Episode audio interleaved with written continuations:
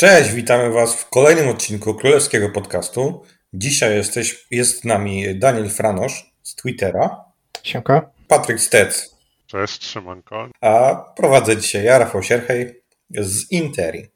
Panowie, jesteśmy po przerwie na reprezentację. Wydaje się, że szczęśliwie wszyscy nasi kadrowicze wrócili zdrowi, chociaż tego się tak naprawdę przekonamy jutro, kiedy będzie, będzie ostatni trening przed wyjazdem do Sewilli. W tym treningu udział mają wziąć y, ci, którzy przylecą dzisiaj wieczorem, czyli Fede, Vini, Rodrigo i Rudiger. I pierwszym tematem, który mi się nasuwa na myśl, jest właśnie Antonio Rudiger. Wiemy, jaka jest jego sytuacja. Być może będzie miał jakiś jetlag po przylocie z USA, bo tam Niemcy sobie wymyślili gry towarzyskie przed Euro. Ale wiemy też, że jest zagrożony pauzą w El Clasico, jeśli dostanie z Sevillą żółtą kartkę. No nie ukrywajmy, że Sanchez Pizjuan to jest gorący teren. Więc jak wy widzicie, widzicie tę sytuację w kontekście El Clasico? Czy zagralibyście Antonio Rudigerem na środku obrony z Sevillą? Bo jakby ale... trzy punkty to są trzy punkty, ale czy lepiej poczekać na klasyk? Znaczy on musi zagrać, bo Nacho jest zawieszony, yy, więc no to jest jedyna, jedyna opcja tak naprawdę w tym meczu przeciwko Sewilli, że Alaba zagra e, znaczo na środku.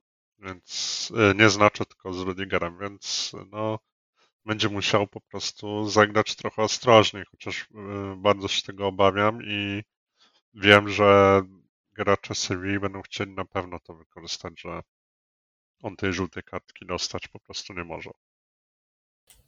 Tak doprecyzowując, y, bo powiedziałeś Rafał o tym, że Rudiger ma razem z Brazylijczykami wziąć udział w dzisiejszym treningu. Właśnie czytałem wczoraj na marce artykuł, że, y, że oni nie wezmą udziału w dzisiejszym treningu, bo będą dopiero po południu. W jutrzejszym, wydaje mi się, że powiedziałem, że jutrzejszym. jutrzejszym. A, no dobrze, to, to przepraszam, źle usłyszałem, ale w każdym razie dzisiaj mają wrócić właśnie Francuzi i Bellingham i zastanawiam się to, jak to będzie wyglądało, skoro Rudiger będzie miał tak naprawdę jedną sesję treningową e, przed Sevillą. I wiadomo, że nie może dostać żółtej kartki, więc y, ciężko go z jednej strony ciężko go wystawić na, na ten mecz z Sevillą, wiedząc, że przy żółtej kartce będziemy grali y, dwoma niskimi stoperami nasza Alaba. Ten duet chyba najmniej ze sobą grał spośród wszystkich duetów stoperów, jakie mamy odkąd Ancelotti przyszedł, to Nacho Alaba praktycznie nigdy chyba nie grali ze sobą tak y, przez kilka meczów z rzędu. Więc naprawdę ciężko sobie wyobrazić, jak, jak będzie wyglądał klasyk, jeśli Rudiger hipotetycznie dostaje tą żółtą kartkę. Ale też z drugiej strony Sevilla u siebie to zawsze jest ciężki przeciwnik, nieważne w jakiej są formie. I jedyną alternatywą tak naprawdę jest ten Chouameni na stoperze, który co prawda z Osasuną zagrał dobrze, ale tam Osasuna to nie postawiła praktycznie żadnego oporu, tam po prostu przejechaliśmy się po nich i no, nic sobie nie wykreowali. No, ja podzielam zdanie tutaj, że trzeba zagrać tym Rudigerem. Mm, tylko no, nie wiem, czy nie będzie to wyglądało tak, że może zejdzie gdzieś po, po, godzinie, jak będziemy mieli swój wynik czy coś, że, że to będzie wyglądało dziwnie, jak stoper zejdzie, ale, ale trzeba naprawdę dmuchać na zimne, bo nie wyobrażam sobie duetu na Alaba, mimo że Barcelona nie ma jakichś wysokich napastników, ale ten duet totalnie go nie widzę i, boję się, bałbym się o klasyk, gdybym musiał oglądać ten duet. No ja bym oczekiwał, że w wielu takich sytuacjach, jeśli jest y, zamknięty wynik, to Carlo Ancelotti będzie po prostu robił zmianę. Czasami czeka, czeka, nie wiadomo na co czeka.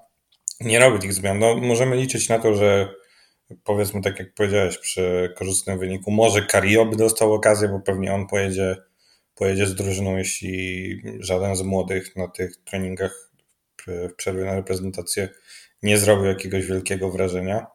Więc może to będzie okazja na debiut dla niego. Zobaczymy. Powiedzieliście dużo o Nacho.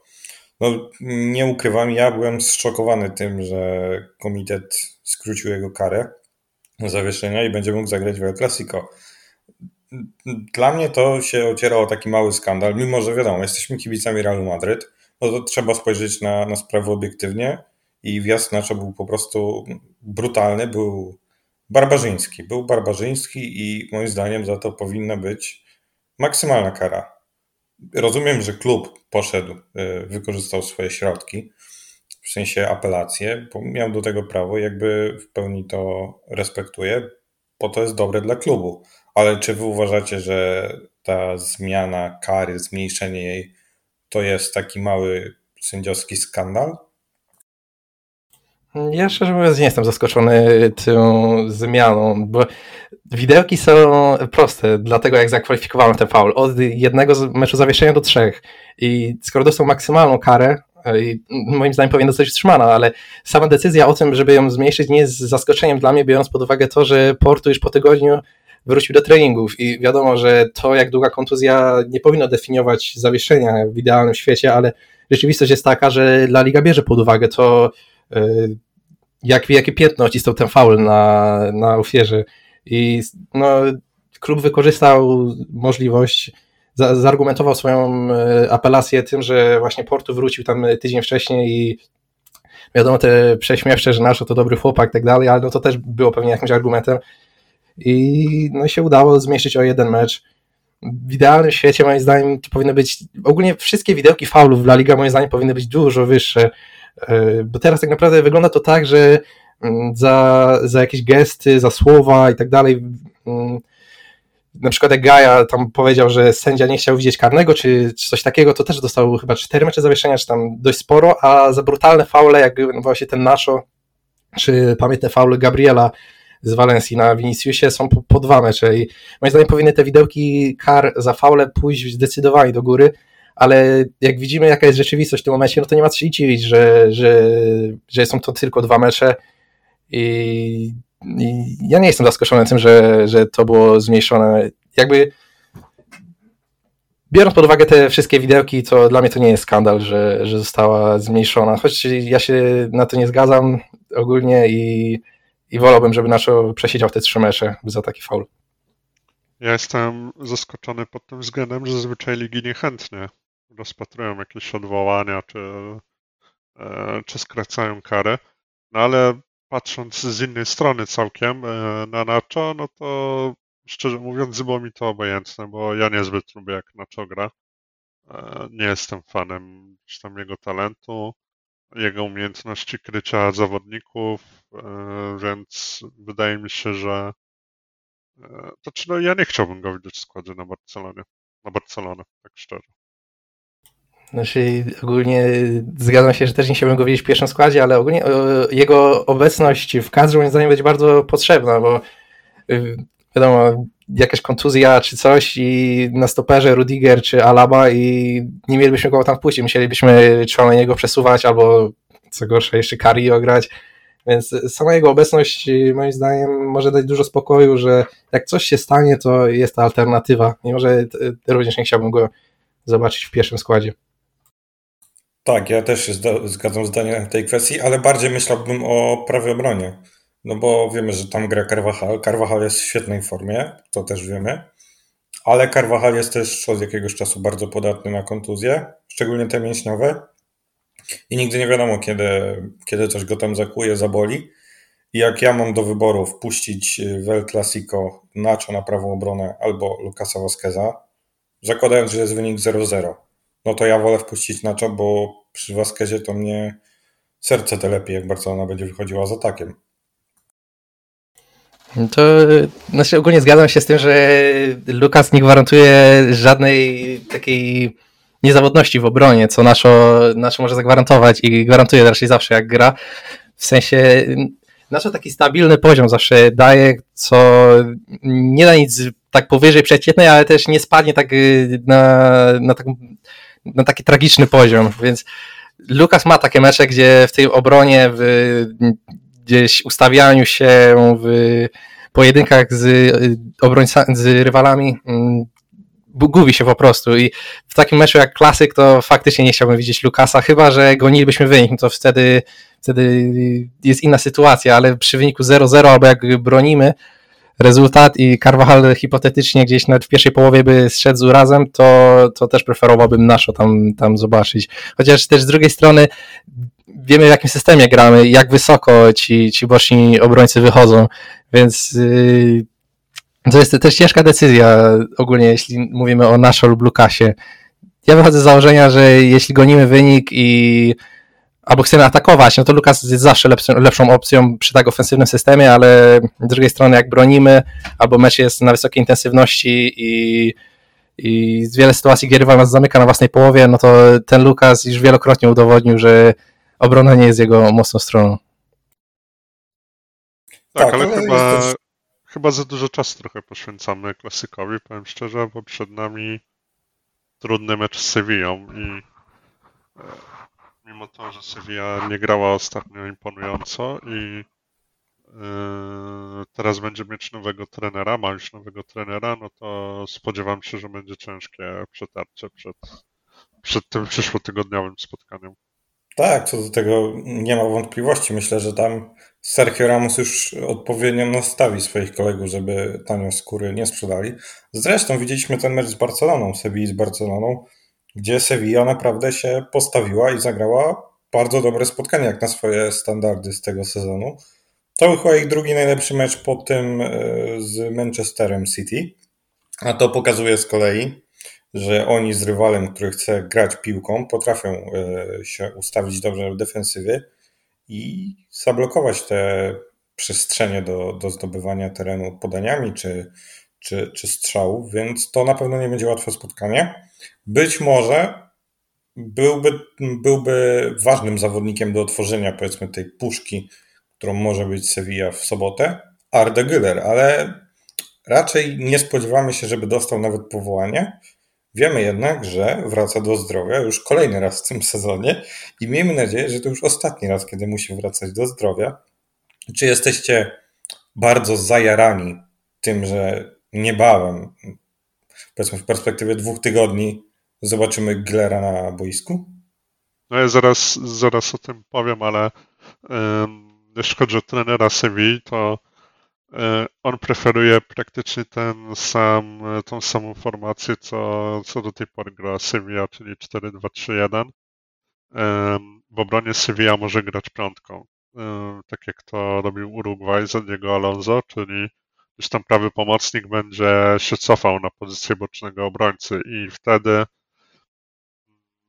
nie wiem, czy ta taktyka, którą teraz stosujemy, miałaby, e, była, okazałaby się skuteczna. O, może tak powiem. E, I tutaj nie wiem, czy Ancelotti nie przejdzie w trakcie meczu na dobrze nam znane 4-3 e, z Rodrygo na boku. Sam Rodrygo powiedział podczas przerwy reprezentacyjnej, że nie lubi grać na tej dziewiątce i woli na skrzydle, gdzie ma więcej swobody. E, więc jestem też ciekawy ruchów taktycznych. No tutaj Kiarda w formie by się przydał. Chociaż szczerze mówiąc nie wiemy, jak on gra tak naprawdę. Bo to jest zawodnik, który był ciągle kontuzjowany. Prawie od początku sezonu. E, więc ja przede wszystkim jestem ciekawy właśnie jego gry, jak to będzie wyglądać. Trochę się obawiam, że nie ma dla niego pozycji w obecnej taktyce. Eee, chyba, że będzie dawał odpoczywać Judowi i Bellinghamowi. Eee, no bo skrzydłowych nie mamy, tak? W ataku nie zagra, więc, e, więc to będzie ciekawy. Ten mecz powinien być ciekawy taktycznie e, z Sewillą i musimy też pamiętać o czymś takim jak efekt e, nowej miotły. I Sevilla na pewno wyjdzie mocno zmotywowana, bo raz będzie grać przeciwko Realowi Madryt, a dwa na ławce będzie nowy trener. Mhm odnośnie Gullera, to ja nie jestem zbyt podekscytowany i mam takie chłodne podejście z tego względu, że wiemy jak on wygląda i wiemy, że może się odbić fizycznie od La Ligi. I moim zdaniem powinniśmy po prostu dać mu czas. I czytałem artykuł na Asie, że on ma mieć taki presezon teraz. I może nawet nie wróci do, do listopada, mimo że już jest gdzieś blisko powrotu do, do najlepszej fizyczności swojej. I moim zdaniem to będzie dobre podejście, bo nie wydaje mi się, żeby Giller był jakimś game changerem w tym momencie. Jedyną pozycją w, obecnym, w obecnej taktyce, jaką dla niego widzę, to jest właśnie zmiennik Bellingama, gdzie może tak naprawdę teraz grać Brahim i, i nie wydaje mi się, żeby to był jakiś duży downgrade jakościowy, bo w sumie to po prostu nie wiemy, jak Giller gra, bo nie zakładam, że ktoś śledził jego poczynania w Turcji często.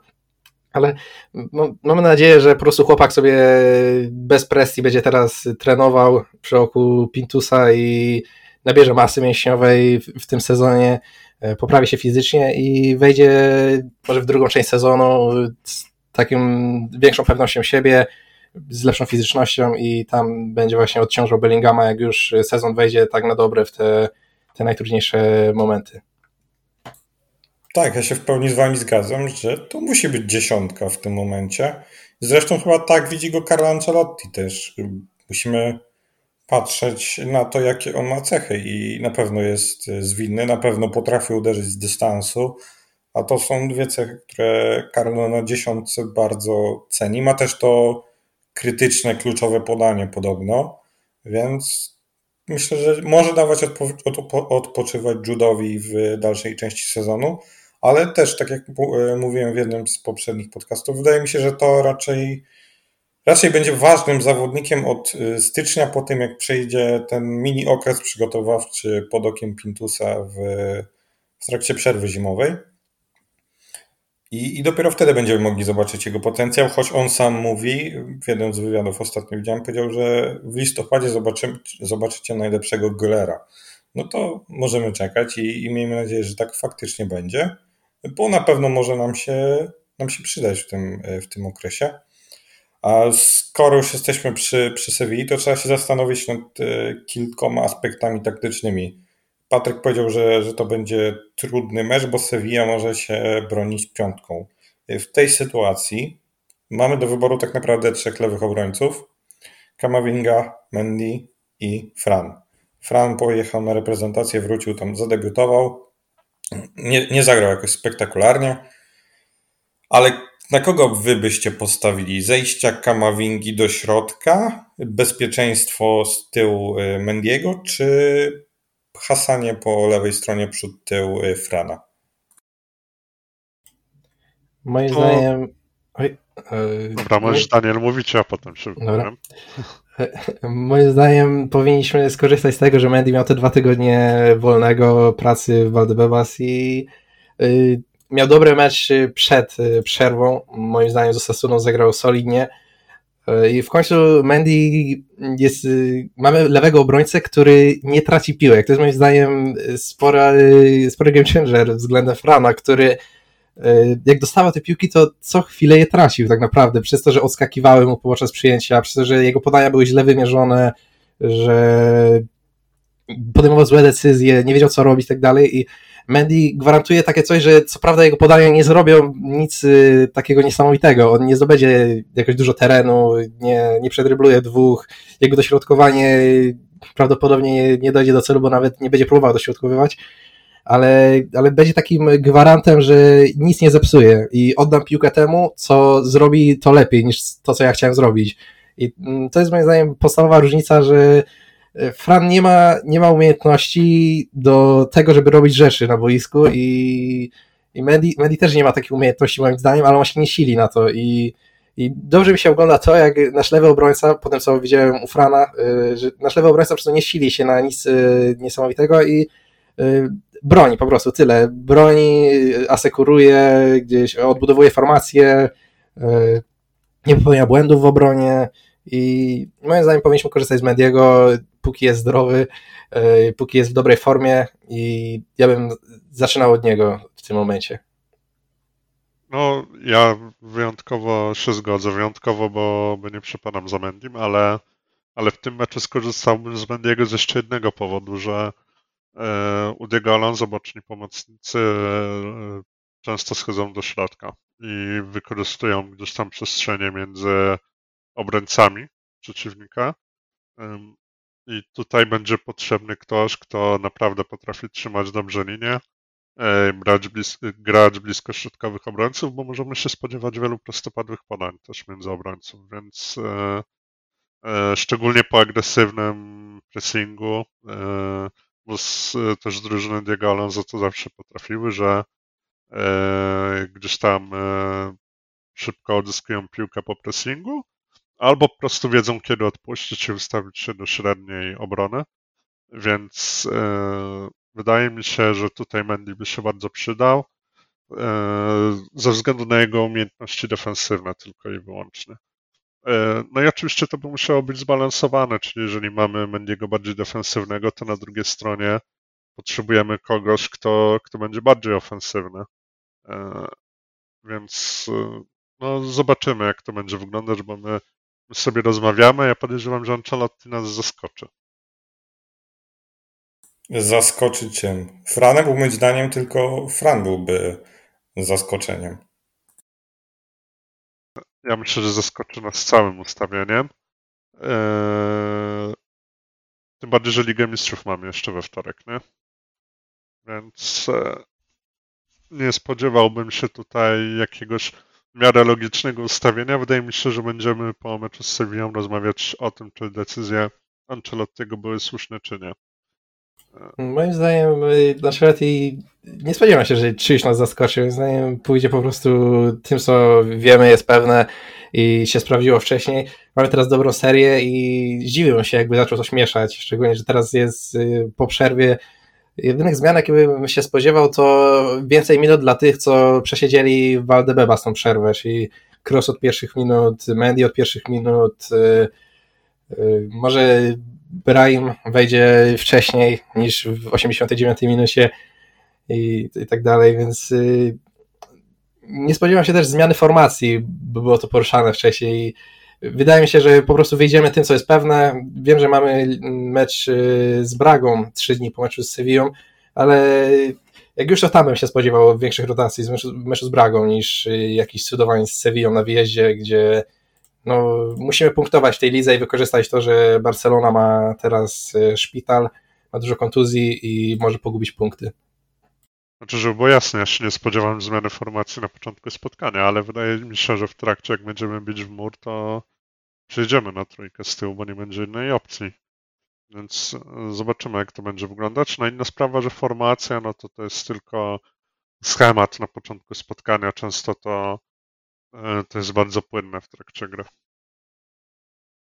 No to tak naprawdę najlepiej to, ile znaczy formacja, pokazuje Jude Bellingham, który tak naprawdę nie jest przywiązany do, do żadnej z pozycji. I widać to po jego hitmapach z tego sezonu, że na początku grał sobie w środku, potem trochę bardziej z prawej, ostatnie mecze bardziej z lewej, jako ten lewy pomocnik. Więc to tak naprawdę jest, no tak jak mówisz, tylko na papierze, a, a potem wszystko weryfikuje boisko. I też nawet z tą Osasuną widzieliśmy, że niespodziewanie tak naprawdę szóstką był Modric, czego nikt z nas prawdopodobnie się nie spodziewał, no bo gdzie Modric ze swoją obecną e, fizycznością na, na szóstkę.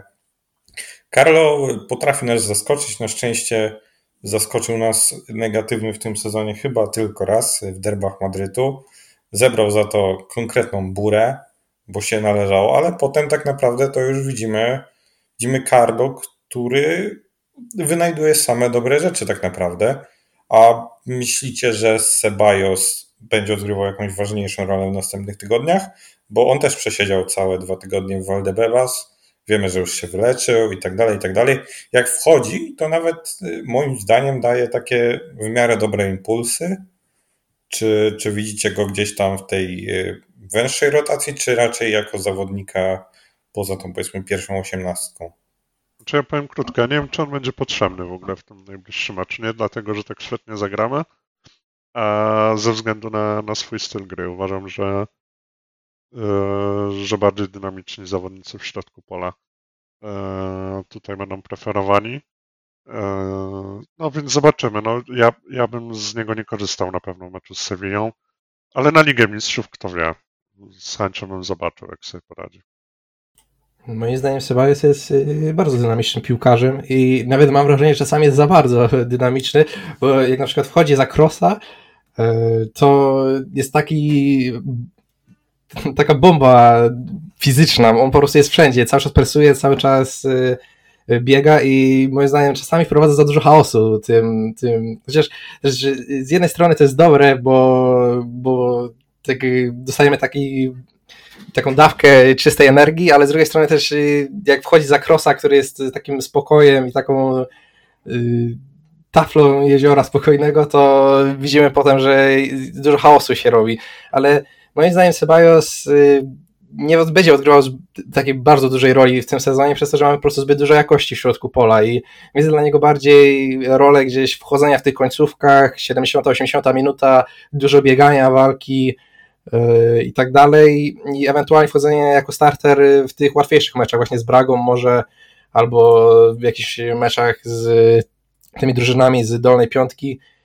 I bardziej myślę, że Sebajos zacznie odgrywać większą rolę, o ile nie przejdzie Zidane, który go bardzo nie lubi w przyszłym sezonie, e, gdzie już prawdopodobnie Modric odejdzie, może Kroos zakończy karierę i wtedy będzie musiał awansuje w hierarchii na pewno, przynajmniej gdzieś tam tę jedną pozycję i będzie na pewno dostało więcej minut. W tym sezonie myślę, że jakiś taki głębszy rezerwowy, co dostanie łącznie z 1500-2000 minut.